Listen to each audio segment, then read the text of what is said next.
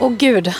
Alltså jag är ju så fruktansvärt eh, lätt tillfredsställd. Så att om det finns vatten utan bubblor och kaffe, då är jag happy. Då kan jag leverera. Vadå, that's it?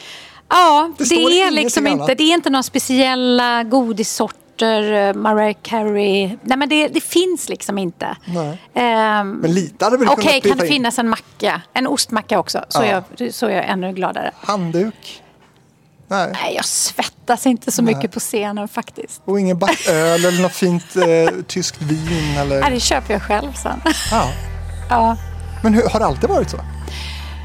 ja, jag måste nog säga det. Jag tror att man växte upp under år där det inte var så väldigt så höga krav från många artister faktiskt.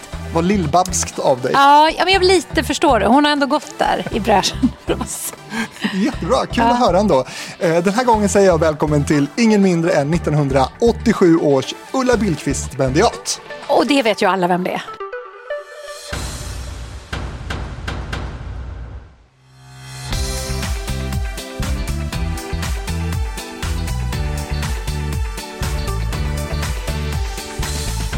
Välkommen Sofia Källgren. Tack så mycket. Så kul att ha dig här. Eh, och det är ju en fin samling eh, sångerskor som har fått det där stipendiet. Robin och Helen Sjöholm och Lale och Carola Mm. och Louise Hofsten och gäng. Frågan, var jag först ut kanske? Vet du det? Jag är inte riktigt först ut tror jag. Nej. Men det är, det är en fin lista. Ja, men det är jättefint och jag tror att jag inte riktigt förstod storheten med det när jag fick det. För det var så mycket som hände runt mig just då. För det var här var ju precis i början av min karriär när jag var ganska ung. Ja. Men eh, som sagt, jag har... Eh, det känns fint. Jag Jaha. tycker det är en härlig lista att vara med på. Tack. 30 000 fick du. Ja, Eh, och det ges vilket då var ju jättemycket pengar då. Väldigt mycket. Ja. Och det ges då till en begåvad ungdom inom områdena teater, sång och musik. För att citera då eh, vem som får det här. Vad gjorde du med stålarna? Oh, vad gjorde jag av stålarna? Åh, det, Det här. Ja, det här var ju år, några år sedan. Men jag antar att det gick till ganska många resor upp till Stockholm. Mm. Faktiskt. För jag bodde ju fortfarande i Göteborg. Men det var ändå i Stockholm mycket hände. Du har ju vunnit fler priser i din karriär kan man säga, Guldmasken och, och annat. Men det kan vi kanske återkomma till. Eh, en begåvad ungdom, det var du i alla fall. Du började jobba otroligt eh, tidigt. Kommer du ihåg vad som drev dig liksom till talangjakter och sånt som du gjorde då? Det här är oerhört pinsamt men det har aldrig, jag har aldrig drivits dit. Utan det är faktiskt kompisar som har anmält mig. Alltid. Ja, faktiskt. Jag är generellt lite blyg för tävlingar. Jag tycker det är läskigt. Ehm, Men jag älskar att sjunga. Så att fanns det tillfälle då man kunde få sjunga så tyckte jag det var jättekul. Så att det var lite kompisar som anmälde mig faktiskt runt. Och eh, ibland gjorde vi duetter. Eh, vilket ibland ledde till att jag plockades ut för någon vidare tävling som skulle direktsändas. Men inte kompisen, vilket var ju naturligtvis en liten konflikt. Men eh, det har vi kommit över. Det är alltid sådär, kompisar som tar med sig sin, eller så här, vänner som tar med sig sin kompis på en audition. Det blir alltid kompisen som Ja. är den som går vidare. Liksom. Det är lite märkligt.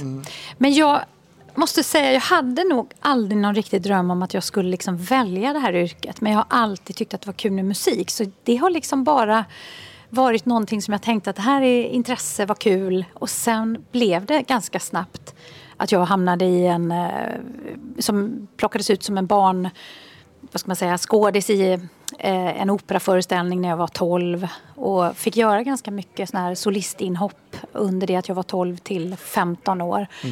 Så det blev så. Jag skulle ju bli veterinär. Vad hände liksom? ja, jag vet. Men så var det faktiskt. Har du fortfarande kvar de drömmarna? Eh, jag omger mig med mycket djur just nu så det hade varit väldigt bra om jag hade lite veterinärkunskaper Vad är det för också. djur? Ja, just nu har jag inte så många djur men eh, i våras var det tre hästar. Nu har jag bara en häst och sen har jag en hund och en katt. Ja, Ja, så ser mitt liv ut nu. mysigt Ja, ändå. Så vill jag be dig akta dina glasögon som du liksom sitter Jo, lite halvt det är inget bra. Nej, Nej, vi lägger dem här. lägg dem där så så lägger de. Så. hela och fina. Ja.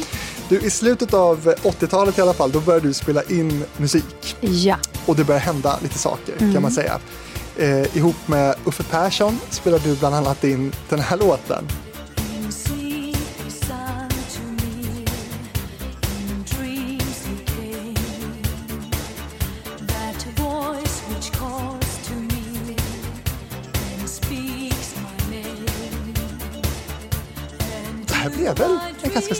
Ändå? Ja, men det, det blev ju en Tracks-hit också. Ja. För de som kommer ihåg Tracks-listan.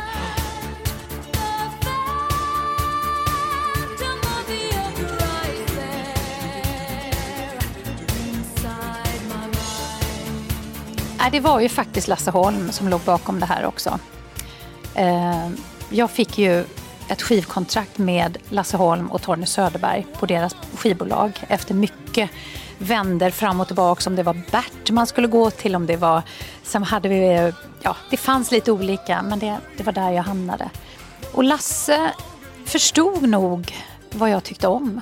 Och när Phantom of the Opera hade premiär i London så kände han att den här låten, den är ju den har ju liksom någonting. Ska vi inte göra den i lite mer upppoppar-version? Så då hade jag en producent som heter Svante Persson som eh, även var med i The Visitors som jag också jobbade ihop med på Melodifestival. Kanske vi tar upp senare också. Det kommer, Ja. det kommer. Eh, han producerade fram då den här som blev ju faktiskt ganska stor. Eh, och fick eh, fin respons även ifrån Lloyd Webber då som har skrivit låten. Jaha, hur, hur kom det sig? Nej, men han tyckte om den. Han gillade versionen och Den eh, nådde honom. Ja, det gjorde den såklart. Han skulle väl godkänna den och sådär tror jag.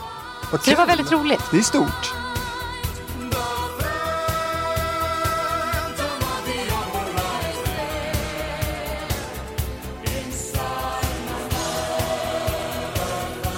Det var också väldigt pinsamt när man kom in då på diskotek som ung och det plötsligt spelades i lokalen. För den var ju faktiskt ganska så...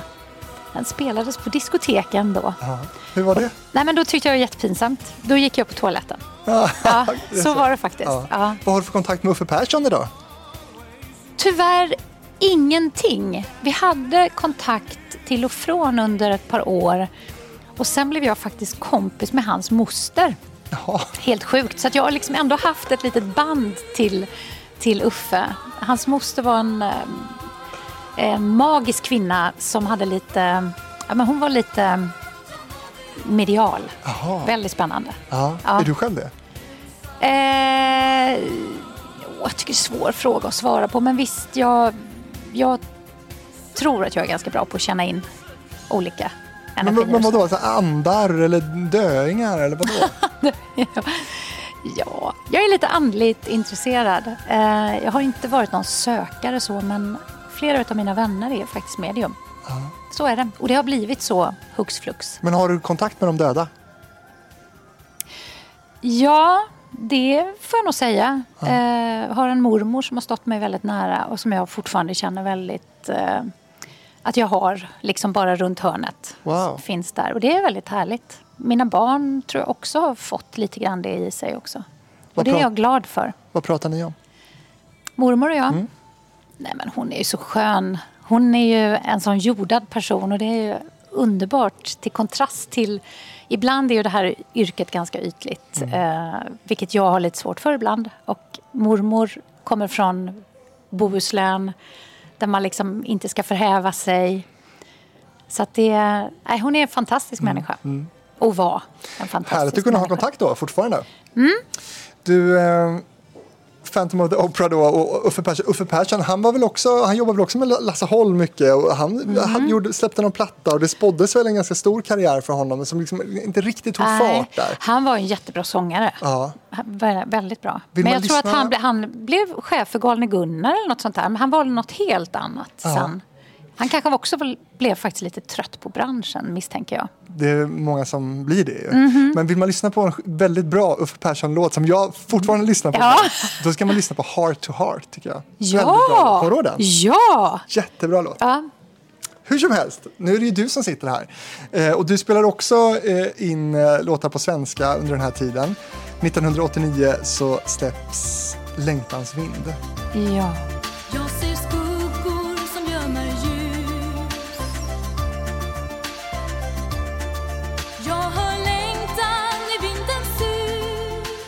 Och den var ju egentligen tänkt att vara en Melodifestivallåt. Skickades in.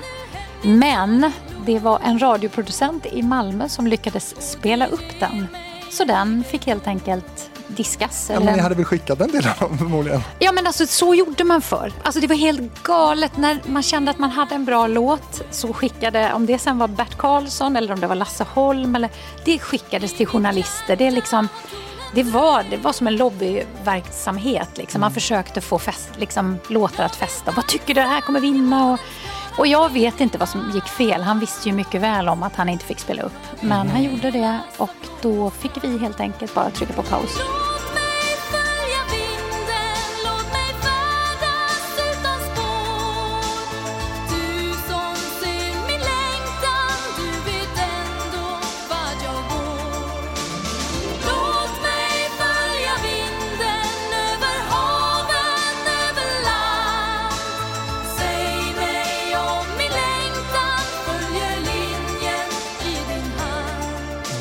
Men den, den fick sitt eget liv. Verkligen, för den blev ju också väldigt spelad. Ja. Berätta om Längtansvind, det är en fantastiskt fin låt. Ja, men det är det. Och jag måste säga att jag...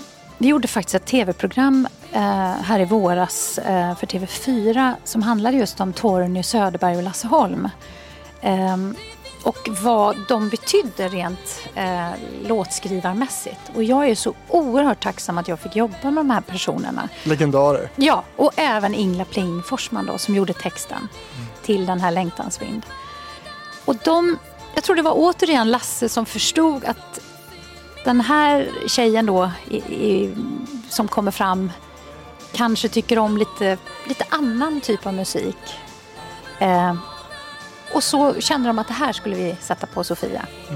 Och det, jag älskade den låten och jag älskar den fortfarande väldigt mycket. Och jag vet att den har betytt mycket för många människor. För jag fått, får fortfarande brev och mejl om att eh, det har betytt mycket för en mamma som har varit sjuk. Eller. Så det, det är rörande.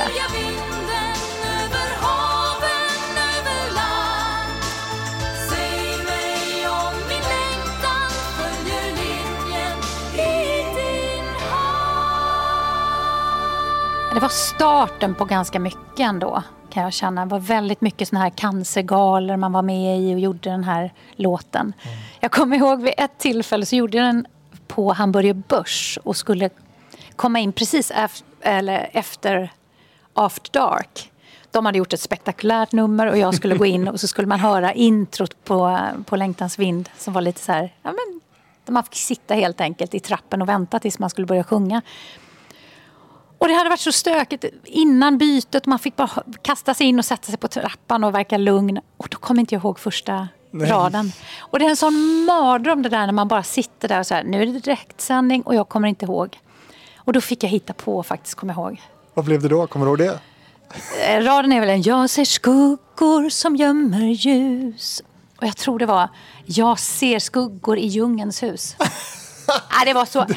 Jag tror inte en människa tänkte på det, men det var fruktansvärt desperat påhitt. Och Ingela Pling sitter Ah, hemma och bara... nej, hon bara "Vad så här, okej, händer?" hon ville förändra texten. Vi, vi drar mot djungeln istället.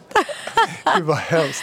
Eh, Jag ska också säga det att både Ingela Pling Forsman och eh, Lasse Holm kan man också lyssna på avsnitt i Ah, Hitfabriken här i det här flödet kul. för de som vill eh, Ja. höra mer naturligtvis om deras fantastiska Karriärer. eh, Ja, gud alltså. Det är ja, verkligen legendarer. Men den här var ju då inskickad till Melodifestivalen. Tror du att, eh, ja, hur hade det gått där tror du? Det är oklart. Eh, det var ju inte kanske en riktig slagerlåt. Eh, kanske hade gjort sig bättre nu när det är lite mer tillåtande med lite olika. Men det var ju ingen dag efter dag. Alltså det var ju ingen eh, glädjespridare så. Nej. Så att det är oklart. Men du spelade också samma år in en annan låt som också skulle bli Mm. en mellolåt som heter Världen är vacker. Precis, och då var det ju Torgny Söderberg.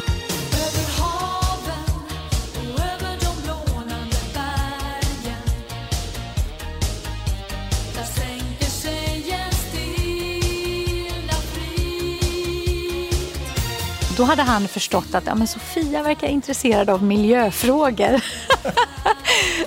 Var du det då? Ja, men jag var tidigt ute. Jag var ingen Greta. Men eh, det var sådana frågor, fredsfrågor och miljöfrågor. Det är väldigt rejält det här, men det låg ju ändå i tiden.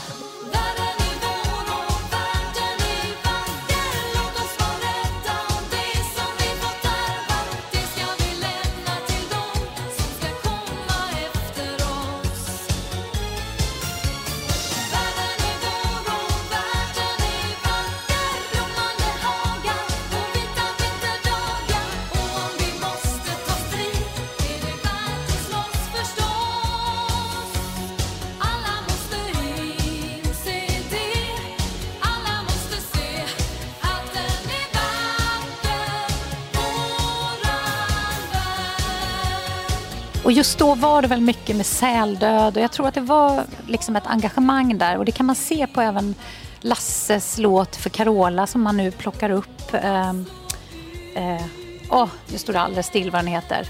Du vet vad jag menar. Ja, kanske. fram, eh, tro på framtid. Ja, ja, eh, säg mig vad det står. Ja, precis. Eh, Tack så mycket. Mm.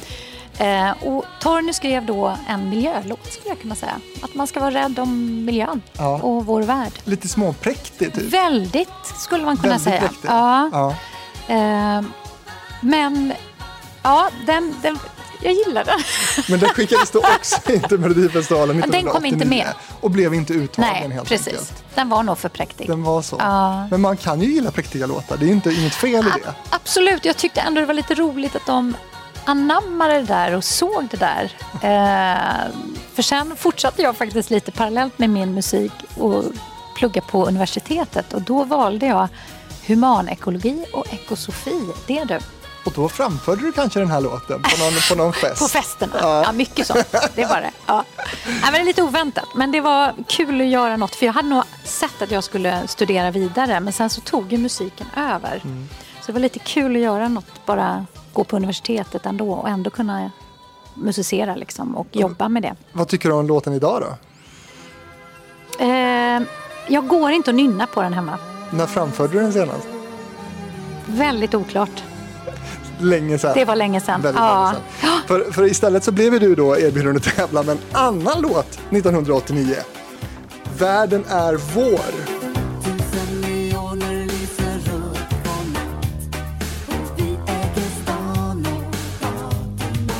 Och precis, då var det ju en låt som blev diskad, en låt Ja. som inte blev uttagen. Eh, men de måste ha haft ögonen på dig på något sätt ja. det här året. verkligen. Och jag fick ju gå melloskolan. Så jag, eftersom vi var ett litet team, det var ju Lena Philipsson hade ju varit med då ett par år.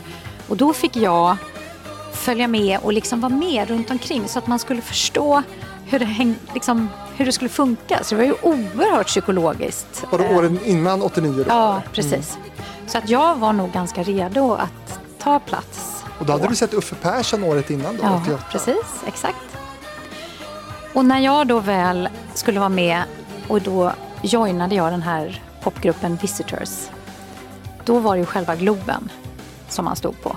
Så det var ju liksom, det var ju så hypat och det var liksom galet intresse kring det här. Globen var nybyggd och där skulle det hållas liksom finalen. Ja. Och hur presenterades låten för dig? Ja, det var nog ett av de här miljontals möten man hade inför olika projekt och så.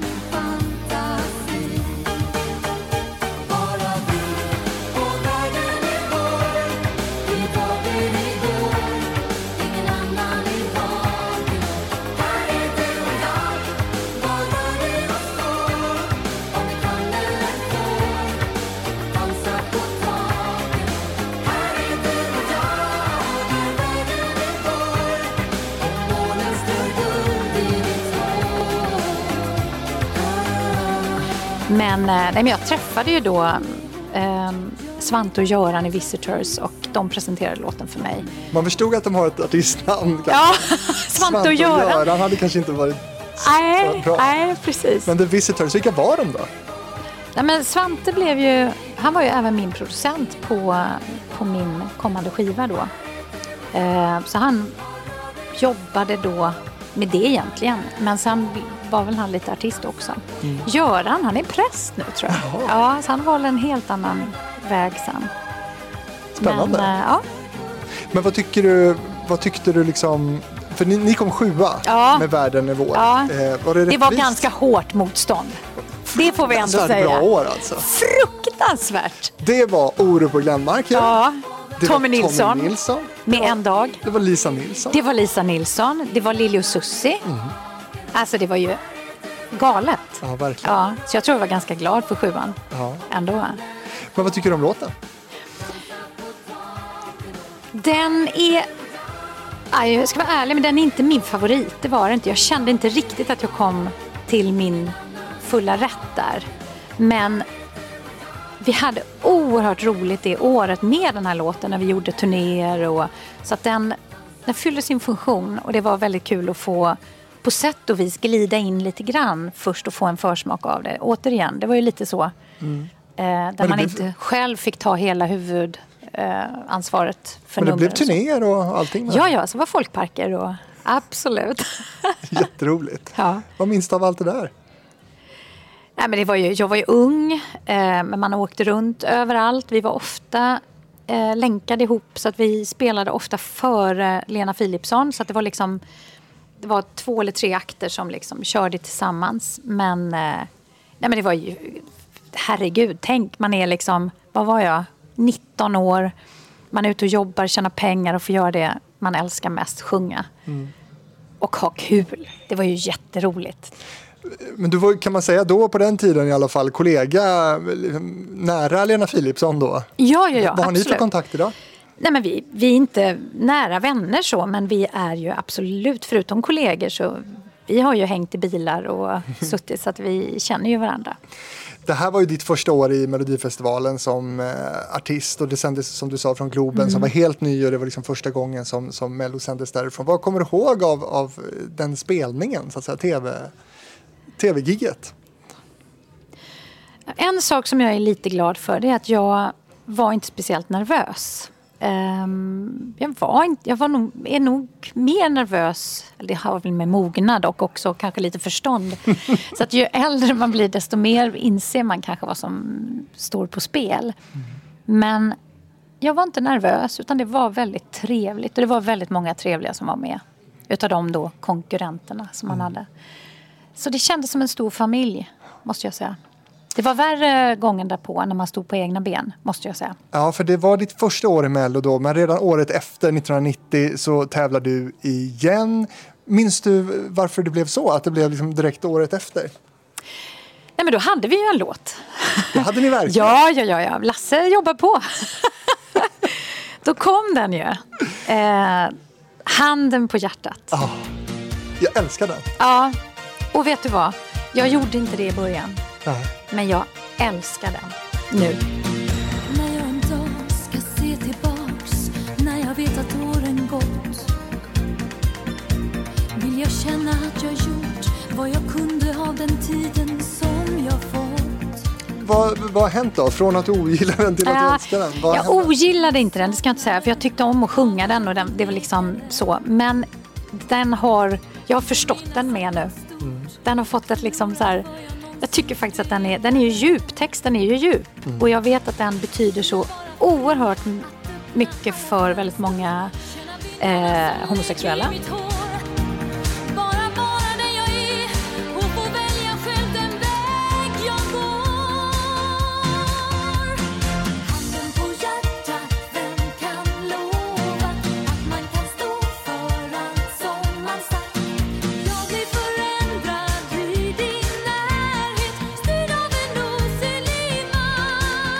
Jag vet att jag får, har fått, tack och lov, eh, eh, inbjudan till Pride ganska ofta. Tyvärr har jag inte kunnat vara med så många gånger som jag hade önskat. I år fyllde min man 50 år, det var ju onödigt.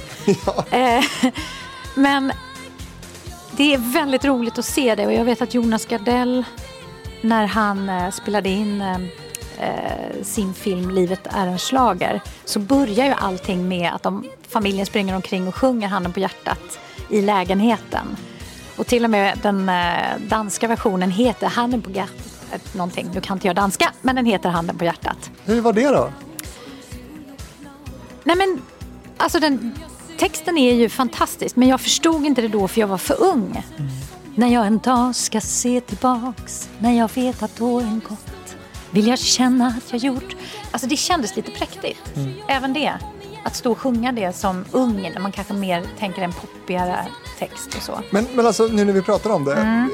Har du inte haft en väldigt präktig framtoning liksom, genom din Jo, karriär? jo, men det har jag kanske haft. Eller hur, va? Ja.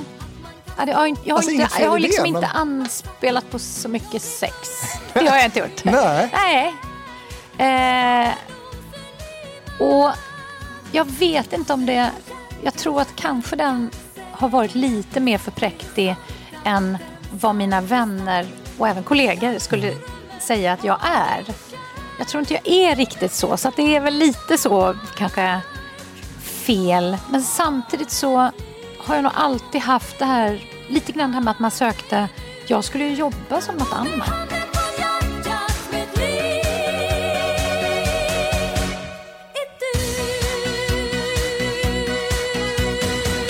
Det här är, Ja. Vi är på handen på hjärtat 1990. Mm. Ehm, ehm, ja, ungefär ja, 10-11 år efter så kommer det en annan sån tjej som slog igenom ganska Ja. Mm. stort med samma präktighet, Sanna Nielsen. Eller hur? Just det. Hon har väl också Ja. haft en ganska präktig framtoning. Ja, liksom. Så ja. ja men absolut. också, Kan man säga. Men i alla fall, handen på hjärtat då. Skriven av Lasse Ja. Holm och Ingela Pling Fors, Forsman. Ja. Och du kommer fyra det här året. Och du fick tävla på hemmaplan. På Rondo. Ja. Berätta om hela den upplevelsen. Nej, men det var ju, där var det mycket mer skakigt bakom skulle jag säga. För det var mycket med Carola som gjorde comeback då. Eh, Mitt i ett äventyr. Mitt i ett äventyr. Loa Falkman var där, Peter Jöback var med. Eh, Nackasändaren for åt helvete. Det gick ju, alltså det var ju helt galen sändning. Ja, det blev ett avbrott liksom Ja, i, i ja. Carolas nummer just också var det ju. Ja.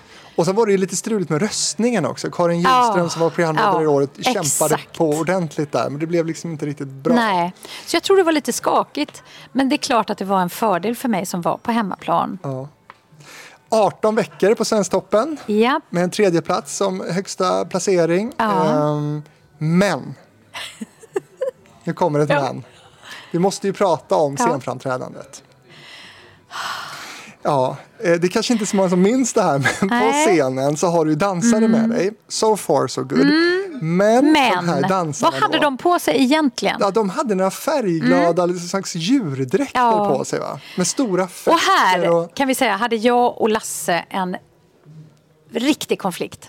Jag förstår det, jag Mm. hoppas det. Ja, för det finns nämligen huvuden till de här också. Åh gud. Ja, och de presenterades, Lasse hade någon idé, det kommer bli skitgulligt, alltså, de är som penntroll och de är bara så här, för det första undrar jag så här, varför ska de vara där? Men det skulle vara liksom så här spektakulärt och kul och så. Ja.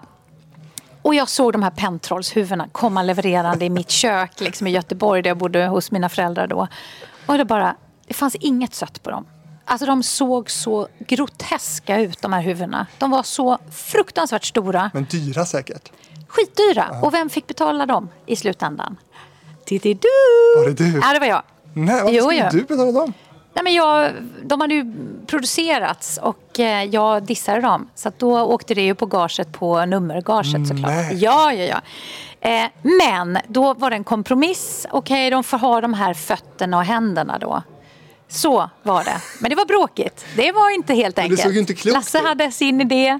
Jag tyckte inte det var riktigt bra. Så det vi såg var en kompromiss helt enkelt? Det var en, och det blir inte alltid bra. Nej, Nej. det blev inte heller bra. Fast nu är det väldigt roligt att titta på det. För man undrar, vad i... Ja, vad gör de där bakom? Och jag har så här underbara så här, korta cykelbyxor. Och aj, aj, aj, det, det är helt... Och så det här håret då som är också så här 80-tal. Men vem stylade dig? Nej men det var väl eh, SVTs... Ja, ja, du menar med kläder Ja, och så? typ ja, ja, ja. Nej men där hade vi någon lite så spons på något. Ja, tror jag. JC typ. Ja, men kan det ha varit typ gul och blå? Jag vet Äh, inte. nej. Nej.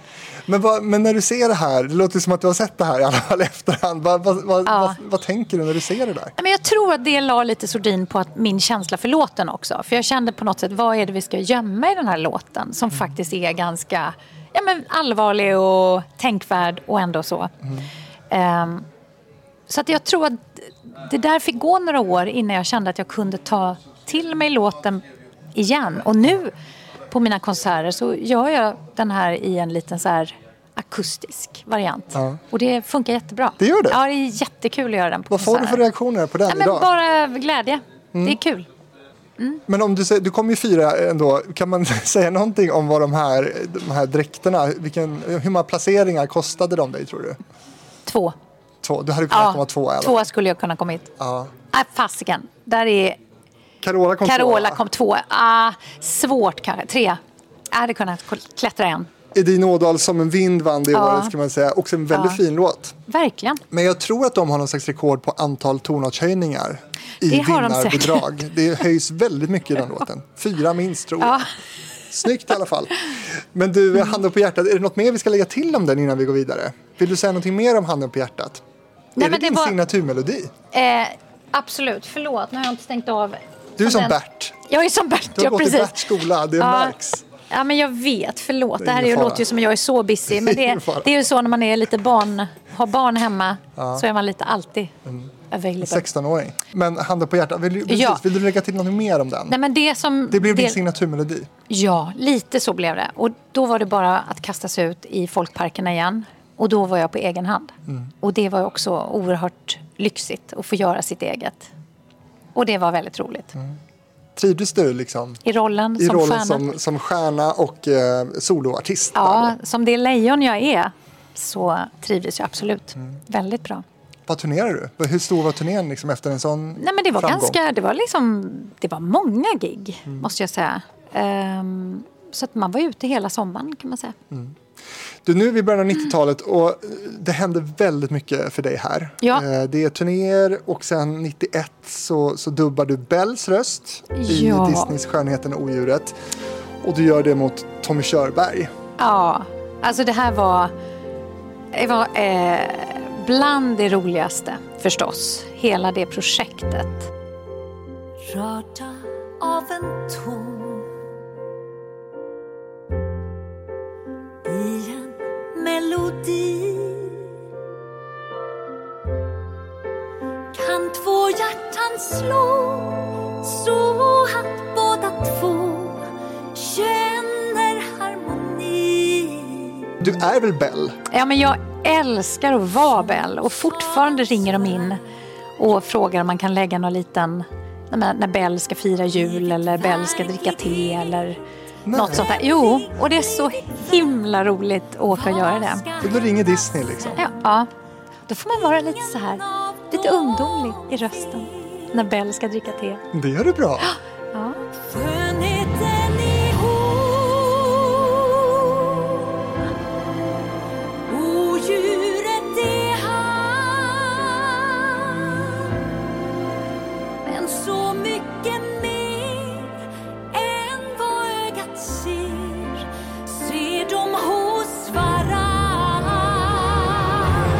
För det, vi ska prata om din röst lite Ja. senare. Men, men, eh, ja, men du är Bell. Du känner Ja, det? nej men det, jag tyckte också att det var väldigt roligt att få göra en, en, en av de Disneys första prinsessroller som var lite skinn på näsan. Som var ja, lite tuffare. Det gillade jag jättemycket. Jag har ju pratat med andra som har, har jobbat för Disney och spelat in sådana här stora roller och eh, antar att du också har fått skriva på något sånt där hemskt slavkontrakt som du får, du får inga pengar alls typ. Nej, och det här är så skönt för det kom ju liksom så här hälsningar via min, mina, min mamma och pappas liksom kompisar. Så här, Åh, grattis! Nu behöver hon väl inte göra så mycket framöver. och jag bara... jag skrattade högt för det är, ju, det är ju den stora äran att få göra det. Ja. Att ha på CVt att man är godkänd Disneyprinsessa. Ja. Vad handlade det om för pengar? För din Nej, del? men det var det var ju okej. Men det, är ju inte, det var ju liksom inte så här att varje gång det visas så får du... Nej, nej, nej. Nej. Men det, men var det mer än Ulla Billqvist-stipendiet? Ja, men ganska snarlikt skulle jag kunna tänka mig. Det är otroligt alltså Ja. egentligen hur lite man får för det där. Ja, En sån klassiker också som har levt... Eh, men de vet ju det här. De vet ju också så här, Tommy och jag, vi åkte faktiskt till Paris och spelade in en video som det var bara fem stycken eh, länder som fick göra en video på originalspråk och vi var utplockade då som för de tyckte om vår version. Så då stod vi nere i Paris och spelade in video. Och så fick vi gå på Disneyland, bjöd de oss. Så var vi där, Tommy, jag och hans eh, kvinna. Det hade väldigt helt, trevligt. Det måste ha varit helt nyöppnat då, Euro Det var, Disney i precis, Paris det var ju därför de gjorde en grej utav det också. Ja. Hur var det att jobba med Tommy Körberg? Det var fantastiskt. Vi hade oerhört många roliga jobb som vi gjorde tillsammans. Julkonserter. Det kan jag tänka mig. Nej, men det, nej, men det funkar. Våra röster, det, var ju, det är ju som... Det är bara glädje ju Mm. att ha det. Ehm, så det, det var ett år där vi höll på att jobba väldigt mycket Mm. därefter. Vad tycker du om titelspåret? Skönheten och odjuret. Jag älskar den. Och jag sjunger den fortfarande på mina konserter. För det som är kul är att min publik föryngras ju hela tiden. För det kommer hela tiden nya Disney liksom, fans som tycker om Skönheten och odjuret som har växt upp med det. Där sitter de liksom. Det är så kul att se. Vad minns du av inspelningen av, av det här? Av låten framförallt? Men det var, det var bara det var så lätt jobbat. Och det är ju lite så att när man känner att någonting känns väldigt bra, då är det lätt jobbat. Om man eh, är förberedd och så. Vad spelades den in? Undrar om inte det var i Sundbyberg på det gamla, vad hette den studion? Stora studion som de tyvärr har tagit bort nu. Det kanske Många du vet? Ja, jag vet inte det, men det är många Äh. studier som har försvunnit ju. Ja, ja men verkligen. Det är På ju en katastrof. Ja. På riktigt så är det. Men sen behövs ju inte på samma hemma. sätt. Ja, men exakt. Så är Det det. behövs Ja. inga stora... Men, men skulle du säga i med den här låten då, Skönheten och odjuret, slår du igenom igen här kan man säga? Ja, det det, det det leder till är att vi var ju med i varenda tv-program, nöjesprogram. Och vid den tidpunkten fanns det nöjesprogram Mm. med liveframträdande. 7 till 9 till exempel, Ja, finns men på alltså, Youtube. ja, precis. Och det var galor och det var... Så att det var... Vi var oerhört exponerade, Tommy och jag, under det här året vi jobbade med det. Så eh, för mig och min karriär har det betytt väldigt mycket. Och Tommy var ju en stor stjärna från Broadway Ja, på den här tiden också. Absolut. Och du har dubbat fler filmer, Ja, det har jag gjort. säga. Ja. Vad är tjusningen i det?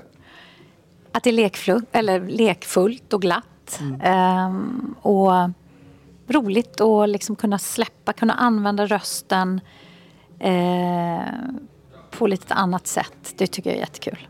Vad är det för filmer du har gjort senast? Jag, gjorde ju, jag var ju Svanprinsessan också. Legitimerad prinsessa. Ja, ja men det, det där är ju... Om man nu har haft någon prinsessdröm när man var liten så gick de eller den gick faktiskt i lås. Ehm, men, eh, nej, men det är roligt. Uh, hela dubbgrejen. Det är ofta väldigt mycket trevliga människor som jobbar med det. Och prinsessdrömmen blev ju då med Skönheten och odjuret sann för dig. Mm. Eh, Men 92, då får du också arbeta med några av de absolut största låtskrivarna och producenterna som Sverige har haft och har, Mm. nämligen Björn och Benny. En kväll när hösten blåste frost i mina tysta rum Inför dikt och fantasi stod tankestyv och stum Den här låten spelades in redan året innan, 91 av Kalle Moraeus och släpptes med dig 92. Hur Ja. kom det sig? Var det inte så att kanske även där eh, Lasse och Torgny var lite på och tyckte att den där låten kanske inte gick så bra som de tyckte att den skulle gå. Nej, för på den här tiden var ju Kalle Moraeus helt okänd. Ja, men han var ju det. Han var ju med Orsa Spelmän och så. Han var inte alls eh, känd på det sättet. Eh, Ehm, jag älskar Kalles version måste jag faktiskt säga. Så att det var ju... Men jag älskade också låten. Jag tyckte väldigt mycket om den. Den var också sådär lätt. Man kände att det var lätt att sjunga. Det passade mig. Lekfullt.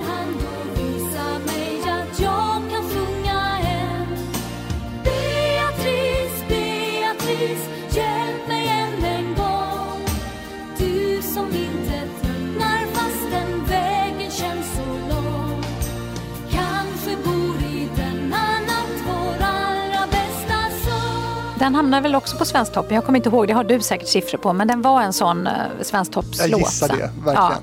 Träffade du Björn och Benny här vid något tillfälle i samband med det här? Eller var det egentligen bara en återinspelning av? Det var en återinspelning av den, men det är klart att man har haft, jag har ju haft kontakt med Björn och Benny under årens lopp.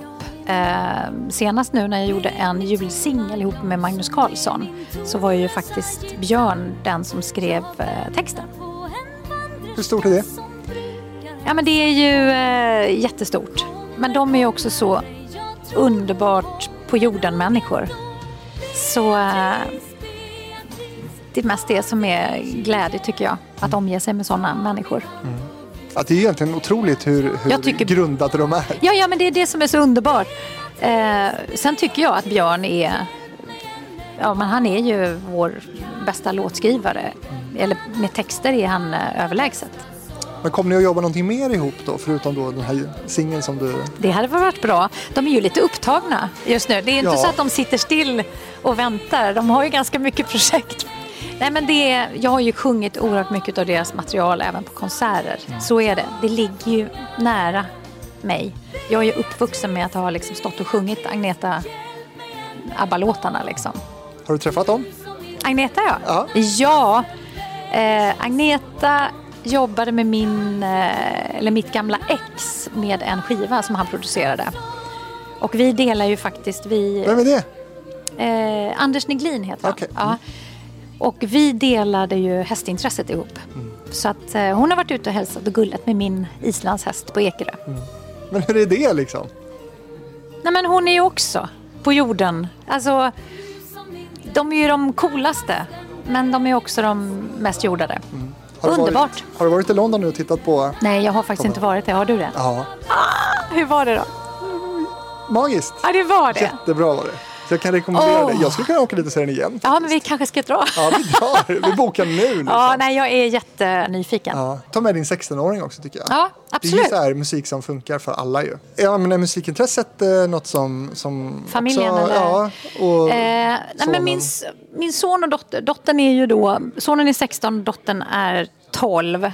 De har ju varit med mig och turnerat sedan de var, Selma var bara två veckor när hon kom på första konserten. Så trött Eh, på dig. Ja, men lite är det ju faktiskt så. De är, Eller, ja. när de var mindre så kunde de säga så här, ja, vi ska väl ut och turnera i sommar igen. Åh. För det tyckte de var kul. Det var alltid snälla människor runt som höll på med dem och lekte och grejade. Mm. Eh, men nu är det ju lite svårare att få med dem. Så är det ju helt klart. Men, Men musicerar de själva något? ja men nej, eller ja, det finns ett intresse. Men eftersom både pappan i familjen och mamman kör musik så känns det som att de strävar efter att hitta sin egen grej. Mm. Selma har varit med och sjungit på lite julkonserter med mig, duett. Och det är lite roligt. Men det, nu är hon eh, i det den känns där... det i mammahjärtat. Ja men det är ju, det svämmar ju över förstås. Mm. Så är det ju. Och speciellt eftersom jag kan vara lugn för hon liksom klarar sig själv.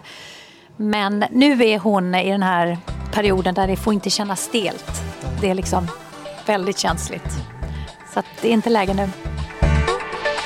Du var ju också ung då Ja. på, på 90-talet och väldigt het. Det hände mycket kring dig där. Mm. Och som samtidigt då var du ju en, en ung tjej liksom. Ja, Hur, hur mycket jobbade du här och hur tog det på dig? Nej, men det här kommer vi fram till det här som då var lite den präktiga image-delen. Jag var väldigt... Um, jag hade ju två föräldrar som stod bakom mig och som inte var pushiga och tyckte att dottern skulle slå igenom och de skulle tjäna pengar på henne eller på t-shirts runt henne eller så. Utan tvärtom, höll mig kanske, ibland kan jag känna lite för mycket tillbaks. Man skulle liksom inte vara för mycket. Jag fick bilspons på en riktigt cool bil som eh, Toyota Celica. Det var, ju det, det var ju det coolaste på 80-talet. Eh, och den fick jag ringa och tacka nej till för då hade jag liksom, det hade stuckit i ögonen på mina eh, kompisar liksom, i gymnasiet. Jag Så hade det- ju inte alls rimmat heller med eh, Världen är vacker. Nej, det är precis. Eh, nej, nej, men det är nej. sant. Det är sant. Det är sant. bil, ja, eh, nej, liksom. nej, nej, men det, Bensinmonster. nu blev det en annan bil. Men, eh, nej, men det, jag tror att det var en trygghet att ha dem. De eh, gjorde mig jordad. Och eh, de stöttade ändå. Mm. Men jag tror att de alltid såg att ja, men du får väl se vad du vill göra Mm. framöver och så. Men jobbade du för mycket? Nej, tvåan på gymnasiet var ganska tuff, det måste jag säga. För jag hade också höga ambitioner att vara duktig i skolan. Liksom. Och då var det väldigt mycket resor upp till Skara och eh, spela in låtar. Så fort man var klar på eftermiddagen fick man sätta sig på det jäkla tåget liksom. Och så satt man där bara bom, bom, bom. Men det var inte så långt i alla fall. Nej, men det var till Skövde. Ja. Det, ah, men det var väldigt tråkigt. Men väl uppe i studion, då glömde man ju bort allting. Och så kom man hem och så kände man att oj, här kanske franska läxan är... Så att det, var, det var lite så. Jag vet att vi kom till ett ögonblick där mamma sa så här att men du får ju bestämma själv. Det är ju liksom upp till dig. Vill du, vill du ta ett sabbatsår får du göra det. Men det vill jag inte, så då körde jag på. Männen kring dig, Mm. Ja, ja, vad tänkte du? ja det är typ roligt. Ja, men eh, jag tänker hur Ja. de... Eh, hur du tänker på hur det var för dig då i Ja. Mm. retroperspektiv. Vi har haft en metoo-rörelse som, som har satt eh, verkligen strålkastarljuset Ja. på mäns eh, beteende mot kvinnor och sådär. Vad tänker du kring det? Jag kan säga så här att det fanns absolut ehm, personer runt omkring som gick över gränser. Men jag tror att jag har klarat mig ganska bra ändå. Tack vare att jag hade lite föräldrar närvarande och eh, Torgny och Lasse var ganska rejäla människor. Och det var nog därför också vi hamnade där. Det var liksom inget som kändes eh, jobbigt. Ehm, Vad var det för gränser som passerades? Nej, men att det har funnits runt omkring mig. Det är ju hela samhället egentligen. Men, men jag skulle inte säga att musikbranschen är värre än andra branscher. Nej. Det får jag faktiskt säga. Det, det, det kan jag inte se. Vad fick du välja bort då som ung tjej? Till följd av din musikkarriär? Nej, men jag stod ju väldigt sällan bakom fritidsgården och, och liksom tog en tre och försökte dricka folköl. Och försöka få en kick av det. Det fanns inte. Det fanns faktiskt inte. Eh, Men jag gick ju på Café Opera när jag var 17 å andra sidan. Så det fanns ju. Så att, Du kunde unna dig en präktig fylla. ja. Eller? Nej, men det, jag ska säga att jag har nog, genom att jag fick ansvar ganska tidigt när jag var, började jobba med vuxna som 12-åring och så, så har jag nog alltid levt lite i de vuxnas värld. Så jag har väl inte gjort de här ungdomssynderna då. Men andra synder kanske jag inte helt har undvikit. Vad, vad är det för synder menar du? Nej men det är väl lite för att, för att ta ner den här, spräcka den här Ja, präktighetsfasaden. gör det nu. Ja, men det, är- det är ju ganska skönt att ha en sån präktighetsfasad för då kan man ju göra ganska mycket utan att det liksom egentligen märks. Och så lite grann har det varit för mig. Och det har varit lite skönt också. För jag har inte bjudit jättemycket på mitt privatliv. Nej. Men du har tagit droger och du har... Har jag faktiskt inte gjort. Nej, okej. Så där är Men jag vad är det då? Vad är, jag jag fattar ingenting. Vad är det som inte är präktigt med dig? Slå hål, ta chansen att slå hål på det nu. Ja, nej, men det, det är det jag menar. Man kan jobba i det, det, det dolda. Okej, vi, Ja. vi, vi går vidare tror jag. Ja. Du, 2000-talet då eh, kom ju att eh, väldigt mycket präglas av Rhapsody in Rock. Ja? Ja, Eh, så var det. Och Robert Wells har ju också gästat eh, Hitfabriken. Ja. Kan inte du berätta lite om ert samarbete? Liksom? Alltså vi började faktiskt jobba, apropå droger, så började vi jobba med eh, en förening som heter Artister mot narkotika. Ja. Ja, så präktigt. du fattar. Det är ju riktigt bra. Lisa Nilsson var med där. Ja. ja vi stod där och det var, men det var väldigt trevliga gig. Eh, och där började vi ett samarbete. Sen gjorde vi lite julkonserter. Vad, var det, vad var det ni fann i varandra skulle du säga? Nej, men det, jag tror att vi, var, vi kompletterade varandra bra. Både som eh, personer. Eh, Robert lite så här, kan vara bullrigare, lite så här... Eh, han är yang, jag är lite mer yin, skulle jag säga, för att bara förenkla det. Sen rent musikaliskt är det ju kul för han spelar... Han är uppvuxen också med en väldigt bred musikinriktning. Eh, vilket gör att jag känner mig hemma. För jag kastar mig också lite grann mellan genrer. För jag tycker det är min konstnärliga frihet att kunna göra det. Ehm, och det är också min utmaning som gör att det fortfarande är kul att, att jobba med musik. För jag kan hela tiden försöka hitta nya grejer. Och det blev inte mindre turnerande med Rhapsody Rock kan man säga. Nej, och det blev jättemycket jobb med Rhapsody som tog oss till platser som vi inte hade räknat med. Jag vet att en av de saker som jag är mest stolt över det var att stå på Royal Albert Hall och sjunga med en Englands främsta musikalartist som heter Michael Ball. Där vi kunde då framföra bland annat Phantom och eh, några andra låtar. Så det var ju fantastiska äventyr. Men hur kände du då, Sofia Källgren, Mm. på scenen där på Royal Albert Hall? Vad, vad, gick genom dig då? Ja, men jag trivs ju då. Jag gör ju det. För att ju, även om jag kanske ibland då inte har slagit mig för bröstet och liksom stångat mig fram och sådär så älskar jag ju när jag står och sjunger och jag känner att det är en magisk plats. Det är omgiven av den här musik... Eh, bara underbara... Det var ju en stor symfoniorkester vi hade då. Ehm, och atmosfären. Nej, det, det finns liksom inte mycket som slår det. Det är underbart. Jag förstår det. Ja. Och ibland som du säger så tar ju musiken en till platser som, som man inte liksom riktigt tror, tror är sanna. Och du har ju turnerat en hel del. Hur, hur långt har musiken tagit dig liksom, i världen? Men den har ju tagit mig till väldigt många speciella knasiga platser. Liksom. Men Berätta om det, några. Nej, men, man har ju stått på nere i Monaco och sjungit för typ prins Albert på någon stor lyxjakt. Liksom. Eh, och då, då har de bara varit så tio personer som står framför. Så står man där och sjunger. Ja, men det är så knasiga saker som man har varit med om. Eh, jag har varit i Rumänien. Körde du handen på hjärtat då? Nej, det gjorde jag Nej. inte. Tyvärr, han fick inte höra den. Eh, Vad sjöng du? Åh, vad sjöng jag? Nej, det kommer jag inte Nej, ihåg nej. faktiskt, tyvärr. Men, Men har du eh, gjort fler sådana knäppa spelningar? nej, men det har, Rumänien har jag gjort. De gjorde en, jag släppte en filmskiva som heter Cinema Paradiso med bara filmtema. Och då var det någon som hade sett någonting där och ville ha mig som en tv-special. Så då spelades det in en hel tv-special uppe i greve Draculas hemstad. Ehm, och det var ju helt galet också. 2008. 2008, stämmer.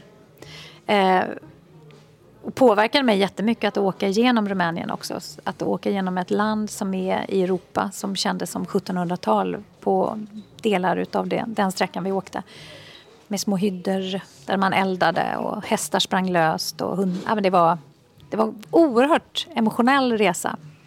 Men det blev väldigt kul att musicera där uppe i bergen.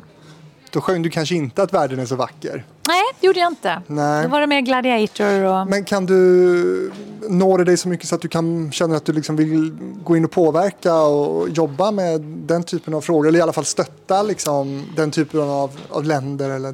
Nej, men jag har alltid varit samhällsengagerad, tror jag. Ehm, så är det. Eh, nu senast har jag haft en ukrainsk familj boende hos mig under våren. Så att det finns ett intresse att, liksom, att inte blunda för det utan att kunna vara med lite på tåget. Hur har det varit att ha en ukrainsk familj boende hos sig nu?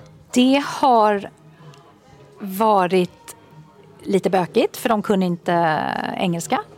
Så vi satt hela tiden med Google Translate. Bara det tar ju extremt mycket tid. Och eh, alltså, ibland var man så trött när man gick och la sig för det bara snurrade. Men trots detta, trots att de lämnade sin pappa i Ukraina så, så skrattade vi så mycket. Vi kramades och vi skrattade och vi grät. Det var allting på en gång. Hur hamnade de hemma hos dig? Jag hade anmält mig via en person som jag visste var väldigt bra på och som gjorde ett bra jobb med just de här placeringarna. Och vi fick en mamma och en flicka som dansar ballett och de ville hamna i Stockholm för att hon skulle kunna fullfölja sin utbildning som ballerina. Och nu har hon kommit in på Svenska Ballettskolan och börjar då i fyran för hon är ju då tio år nu. Wow. Så, och mamman har fått jobb som kock. Och nu bor de i en egen lägenhet eh, i ett hus i samma område där vi bor. Eh, För det här vet man inte när man tar in en familj Nej. till sig så här. Hur, ska det här vara två veckor eller Nej. två månader eller Nej, ett precis. år? Eller, hur pratar ni om det hemma? Liksom? Nej men vi, eh, barnen tyckte det var tråkigt, de blev av med biorummet. Det vi hade, vi hade en bra källarvåning med biorum och, och dusch och all, toalett och egen ingång. Men vi hade inget eh, kök. Så att det var därför man kände att det här kommer inte kunna vara en långsiktig lösning. För de mår inte bra av det att tassa för oss.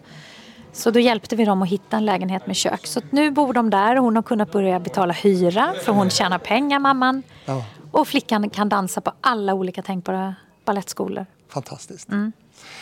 2003 så gör ju du också comeback i Melodifestivalen eh, en tredje Ja. gång. Den här gången då ihop med nämnda Wells. Ja, I wash my mind out in the summer rain and feel a breeze touching my soul. My Love hette låten. Hur blev det så? Det var en låt som dök upp som Marcus Obeda eh, hade skrivit. Ehm, Också Skara-gäng. Ja, precis. Ja, han är väl li, lite halvfri därifrån, men han har ju jobbat med andra... Eh, han gjorde ju bland annat, eh, vad heter den vinnarlåten? Afrodite. Ja, tack så Never mycket. let it go. Ja. Ehm, Marcus är underbar. Han är ju så sjukt duktig pianist också. Som jag faktiskt ska få glädjen att jobba med kring jul nu i år. Vi ska göra julturné tillsammans.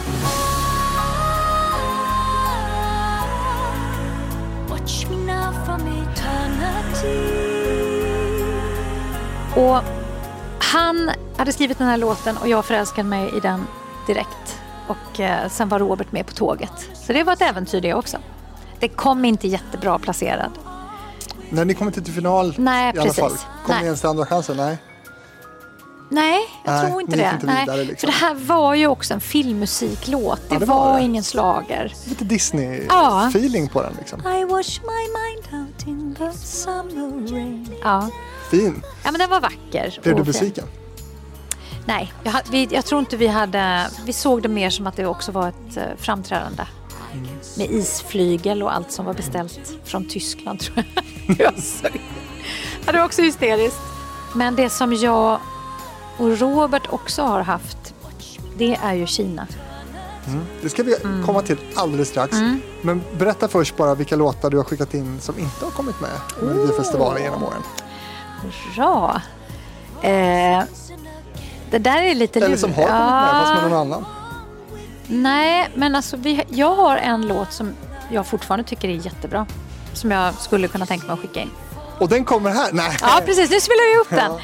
Eh, nej, men den, eh, det var en låt vi skickade in för, eh, ja, jag vet inte hur många år sedan det var, men det var väl ett par år sedan.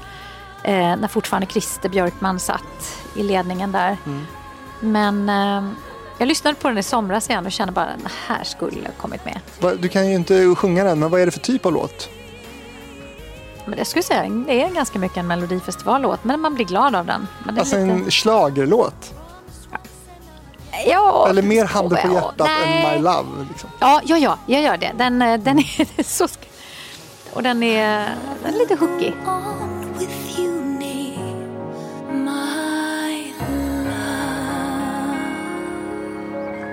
Kul! Vi får se, vi får se. Vem har skrivit den? Eh, det är två, eller syskon som eh, har skrivit dem. Ylva och Linda heter de. Ja. Men du har inte skickat in eh, någonting alltså? Emellan typ My Love och... Eller, Nej, om jag ska vara riktigt ärlig så är, har jag inte liksom suktat så mycket efter Mellon.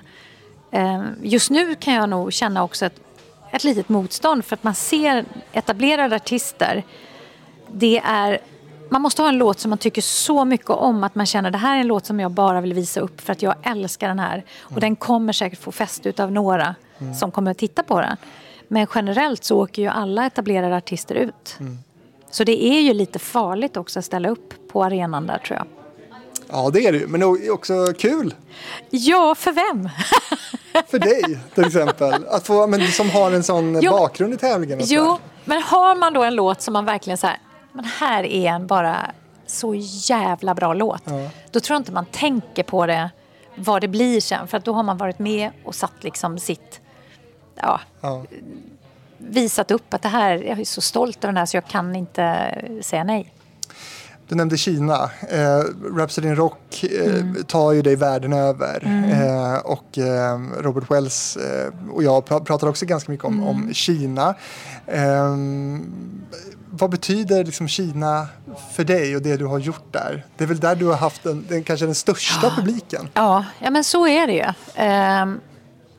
Vi kom ju dit år 2000 och då var ju allt väldigt speciellt. Man kände, jag kommer ihåg att jag hade oerhörd hemlängtan när jag var där. Jag tyckte det var jobbigt att vara där för det var begränsande och vi satt på hotellrum, vi rörde oss inte så mycket utan det var, man åkte till arenor och man spelade och sen åkte man hem och så ville man åka hem till Stockholm. Men sen öppnade det sig lite. Det blev liksom friare. Vi träffade på väldigt mycket gulliga människor inom kulturen i Kina. Eh, Tv-folk som har blivit vänner till mig fortfarande. Och det ledde till att vi gjorde jättemycket turnéer, mycket tv.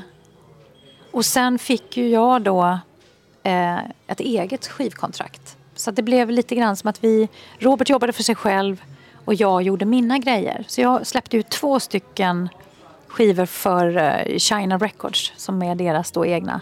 Som första västerländska artist. Där jag sjunger kinesisk musik. Fast på engelska. Väldigt speciellt. Väldigt speciellt. Första skivan var liksom deras trendigaste eller så här, popmusik som var känt. Som jag fick ha frihet att skriva vilka texter jag vill bara genom att lyssna. Och det var ju väldigt inspirerande och ganska lätt att jobba fram texterna där.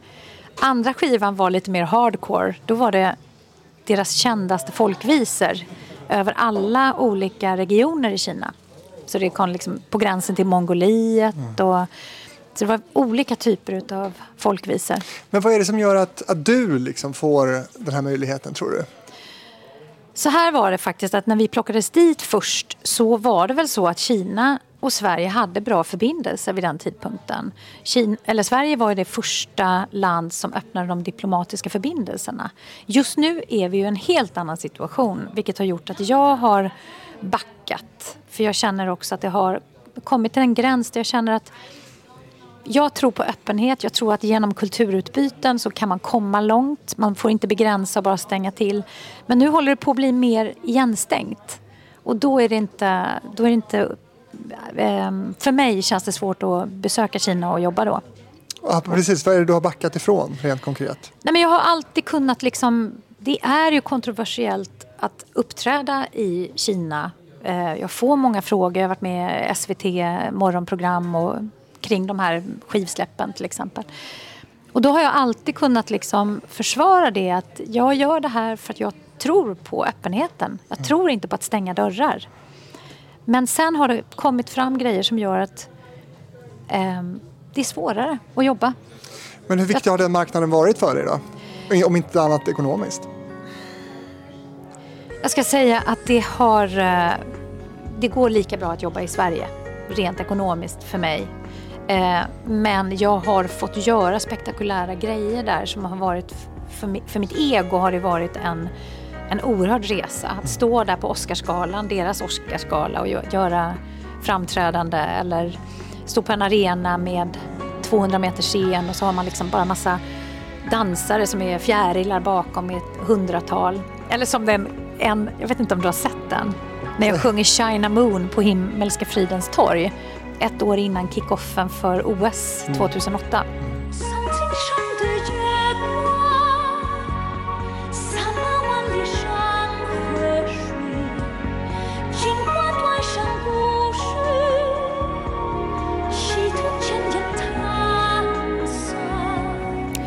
Då står vi där med två symfoniorkester och jag sjunger på kinesiska och har Kinas främsta dansare bakom.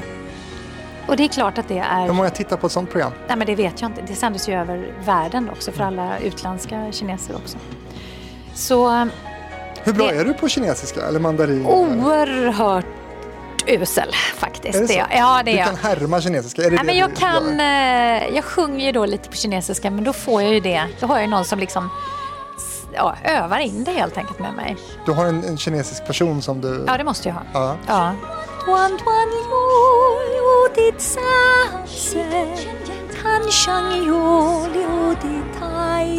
Ja, typ.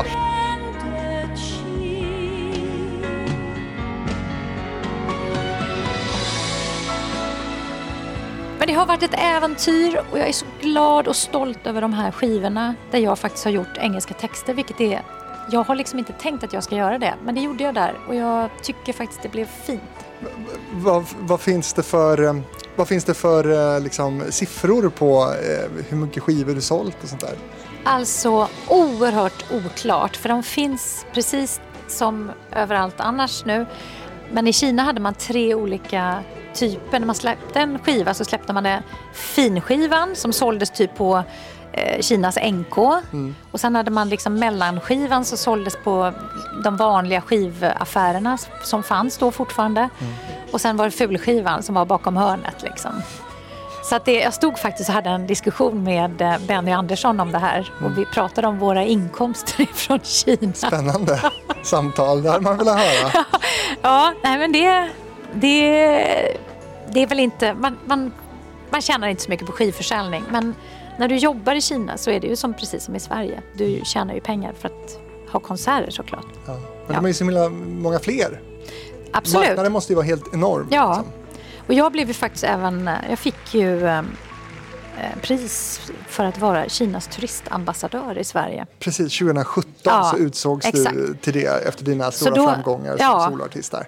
Och det var mycket för att de tyckte att jag hade tagit mig in i den kinesiska kulturen och var nyfiken och hade kunnat göra de här grejerna. Hade du det då på riktigt? Ja, på riktigt Med så är... på hjärtat? Handen på hjärtat så kommer vi tillbaks till det här att jag är ju oerhört nyfiken på nya värden eh, som gäller att komma i kontakt med människor. Att se nya delar av världen. Så det är ett brinnande intresse. Vad, sk- vad ska man göra då som turist i Kina? Tycker Nej, nej, men nu kommer vi till dilemmat här. Att när jag fick det här priset, då var det precis att det svängde. Och nu är det stramare. Det är ett mycket mer problematiskt ehm, eller det är mycket mer problematiskt att jobba där. Men nu vill du inte vara turistambassadör för Kina. Jag, jag, jag är inte så aktiv just Nej. nu. Nej, den ligger väldigt vilande. Jag tror inte att jag räknas som det kanske längre. Nej. Du har inte, de, de har inte tagit ifrån dig den nej de har inte titeln. kommit hem och, och tagit pokalen. Det har de inte Nej. gjort. Nej, nej. Eh, Men, men, Men jag har en kluven hållning till Kina, måste jag faktiskt säga. För fortfarande har jag mött så många fantastiska människor där. Så att jag är lite ledsen för att jag delar väl förstås det med stora delar av ledare i världen. Men man är lite ledsen att det, att det går åt det här hållet. men är Kina en diktatur? Ja. Det är det. Och eh, hur är det att jobba i en diktatur? Det som jag säger, just nu känner jag mig inte alls attraherad Men av då det. när du har varit där, det har ju varit diktatur hela Ja, det tiden. har det. Men det var en öppenhet som kom mer och mer. Sen kanske den var bara skenbar. Mm. Men det var verkligen en upplevelse att här öppnar Kina landet. Det kom, alltså västerlänningarna strömmade in och det blev, blev en annan anda. Mm. Från när jag var där 2000 som jag tyckte det var kändes lite så här jag kände igen det från när jag var ung och åkte på körresor till Warszawa liksom och så.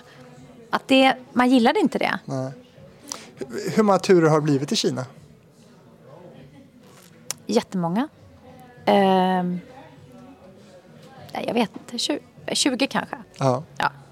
Världen är vacker du, Världen är vacker. Eller var vacker. innan du börjar flyga Ja, till Kina. precis.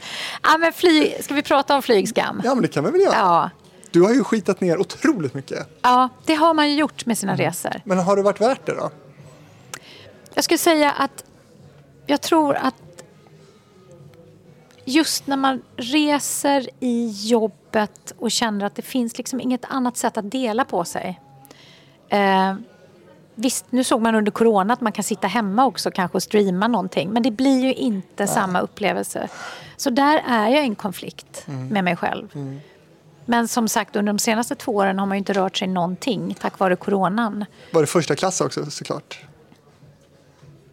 Eh, det betalade jag inte för. Nej, just det. Så kan jag säga. Men det var det. Nej, nej, nej. det var, det var eget plan. Nej, det var det faktiskt inte. Det där får du prata med Robert om möjligtvis, men det var det inte. Nej, No, no. Robert har ju säkert åkt eget plan. Kan man gissa i alla fall. Det kanske man kan... Undrar, undrar om man inte berättade om det i Hitfabriken. Det får man ju gå tillbaka och lyssna på. Ja. Men du, eh, vad är de största kulturkrockarna då med, med att jobba i Kina som du upplevde det som? Ja du. Åt du hund? Nej, fasen. Nej, apropå där man, som du inledde med, vad det stod på min raiderlista. Ja, var så hund. var det liksom så här, jag vill inte äta konstiga grejer. Och det visste de arrangörerna när jag kom. Det fick inte vara massa tok. Sköldpaddor ryggmärg, i liksom. sitt eget skal och sånt. Det går bort. Ja. Mm. Usch. Ja, det är ett annorlunda land. Eh, Har du varit i Kina? nej, och det står liksom inte alls på min lista Nej. över att besöka heller. Jag är helt Nej. ointresserad av Kina faktiskt, Ja. måste jag säga. Eh, eh, Bortsett från kanske styre och sånt också. Ja. Jag är jättenyfiken på Kina. Det finns många andra länder som jag Nej. är nyfiken på. Du, i slutet av den här eh, inspelningen nu så är jag Mm. lite nyfiken på din röst. Ja. Ehm, eh, hur vårdar du den? Det här är en samvetsfråga. För att under coronan till exempel. Det är ju lite som att man är idrottare. Man måste ju hålla igång muskulaturen. För annars funkar det inte.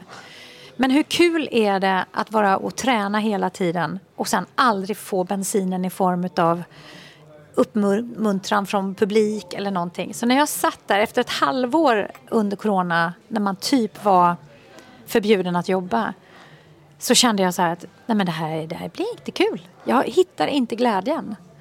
Och det var det tuffaste med hela det där. Att man kände att fasen, det här kommer bli tungt att sätta igång sen igen. Och jag tror jag delade det med jättemånga utav mina kollegor. Att man har känt sig lite tröttare och slitnare när man kommer igång. Men sen jobbade jag nu i somras och då hade jag, liksom, då hade jag fått sätta igång och stå liksom och köra på. Och då var det lätt igen. Då var det lätt och flygigt. Och det är så man vill att det är. Eh, Coronapandemin gissar jag har påverkat dig jättemycket. Eh, Absolut. Inte bara röstmässigt utan Nej. även eh, ekonomiskt. Precis innan corona så, så omsatte ditt bolag då, Mm. One Voice nästan två miljoner. Eh, Siffrorna åren därefter har varit otroligt skrala, eller typ inget. Ja. Så är det. Hur har du tagit igenom det? Jag har inte då fått stöd, eller jag har inte sökt faktiskt, eh, några stöd eller så, vilket är... Jag har haft en situation som jag kan ändå... Eh, behövde inte bli desperat. Vilket var en trygghet. För att det, hade varit väldigt omskakande om det hade varit alla, på alla plan att allting hade blivit bara kaos. Du har sparat i ladorna. Ja, men det har gått att leva. Ehm, men det är klart att det, jag, har haft, jag har jobbat sedan jag var 12 år. Så en del av ens självförtroende och yrkes... Liksom vem man är försvinner ju under sådana här förutsättningar. Ehm, men det var därför det var så kul nu när man väl kommer igång och man känner att det är... åh, publiken är där, Och rösten. rösten är där och kanske till och med lite bättre, kan jag känna. Men kan du inte också känna så här, jaha okej nu är vi igång igen, ja just det, men det är ännu en julturné vi ska ut på här nu. Jaha, hur gör vi det Eller här? så är det precis tvärtom. Nu i år känns det jätteroligt att åka på julturné. Ja. För annars brukar man ofta känna när man har gjort de här långa turnéerna som jag faktiskt ofta gör kring jul, att det går, när de är klara, då sätter man ju nästa julturné. Så det känns ju på något sätt som det är jul hela året. På tal om julturné då kanske, jag Ja. vet inte, eller generellt. Ja. Men vem är din största konkurrent i branschen? Alltså där arrangören sitter, ah, ska, vi, ska vi ta Sofia Källgren eller vem? Wow, vilken... Åh, det där var ju en jättespännande fråga. fråga, va? Ja. Eh. Åh. Nej, men kan det kanske vara...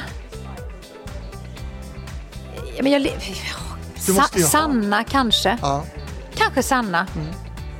Ehm, men det, det där är lurigt. Det, som har varit, det som jag har känt har varit ehm, min styrka det är att jag alltid valt lite parallellkarriär. Jag har, jag har ju fått in det här, gjort mycket konserter, mycket konserter i kyrkor med olika koncept. Även med Robert ibland, med, ibland med Putte Wickman som var en fantastisk klarinettist och, och ibland med Peter Jöback. Alltså det har varit väldigt olika. Men där har inte alla varit och tassat om du förstår. Att man har varit lite själv där. Nu sprider det sig naturligtvis och fler och fler kanske ser att det här är bra att kunna jobba. Men eh, Du är ju andlig började vi med att prata Ja. om i programmet. Är du religiös också? Jag skulle säga väldigt oklart på den. Eh, Som alla känner. Ja, exakt. Jag är, men jag älskar att sjunga i kyrkor.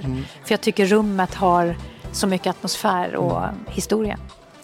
Sofia Källgren, vad kul att prata musik med dig. Ja, men tack för Och att att vi fick fick komma. till det här efter åratal av försök. Ja. Så sitter vi ändå här. Ja, det gör Så vi. roligt. Eh, du som vill får gärna gå in på um, Hitfabriken på Instagram och Facebook. Där ska jag nu pressa Sofia på lite snabbfrågor. Det kan man titta på där. Eh, och eh, vill du komma i kontakt med mig då gör du det genom att e-posta till fabrikspost@gmail.com. Sofia Källgren, är det någonting jag borde ha frågat dig om som jag inte har gjort nu? Jag tycker du, är, du, har, du har fått ut allt. Var är Tito Beltran? Han är nog i Sydamerika och där kanske han ska vara kvar. Gud vad roligt svar ändå. Ni har ingen kontakt? Nej, det har vi faktiskt inte. Men vi har haft väldigt många fina duettstunder. Men jag tror att det är bra om han är där. Tack för att du var med. Tack.